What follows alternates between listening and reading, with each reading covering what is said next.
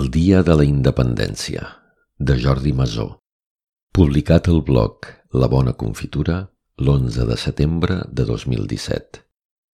Veu Maribel Gutiérrez, de En veu alta, enveualta.cat. Música, fragment de la banda sonora de Amélie.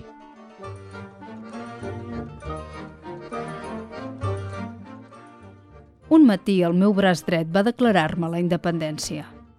La primera manifestació de rebel·lia va ser bufetejar la meva dona. En veure que ella em mirava des de les tenebres lleganyoses del son, desconcertada i amb un por molt inflat, em vaig vestir ràpidament i per evitar que el braç persistís en l'agressió, vaig marxar cap a l'oficina. Va ser un dia terrible. El braç es disparava endavant i amb el puny clos anava a buscar els morros del conserge o l'estómac del comptable. Les natges de les secretàries eren pessigades i amanyegades. Vaig ficar un dit a l'ull d'un client i a un altre li vaig estirar els cabells. Jo, incapaç d'impedir els atacs, em desfeien excuses. També em vaig sorprendre en actituds indecoroses. Un índex ben entaforat al nas o furgant l'orella. Els dits gratant-me insistentment una xella o l'angonal, com un simi.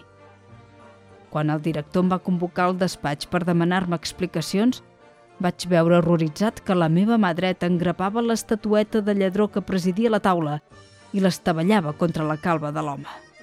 Vaig fugir. Mentre corria, la mà sacsejava un martell d'un coi l'havia tret i anava colpejant tot allò que trobava pel camí. Pantalles d'ordinador, arxivadors, impressores, portes, parets... Volia marxar ben lluny, però no vaig poder atènyer el carrer. Els de seguretat em barraven el pas i vaig ser un espectador més del combat que lliuraven les porres dels guàrdies contra el meu braç revoltat. Finalment me'l va immobilitzar a l'esquena. Hauria volgut felicitar el meu repressor amb un «Bona feina, gent», però una patacada em va estabornir. No havia estat cap guàrdia.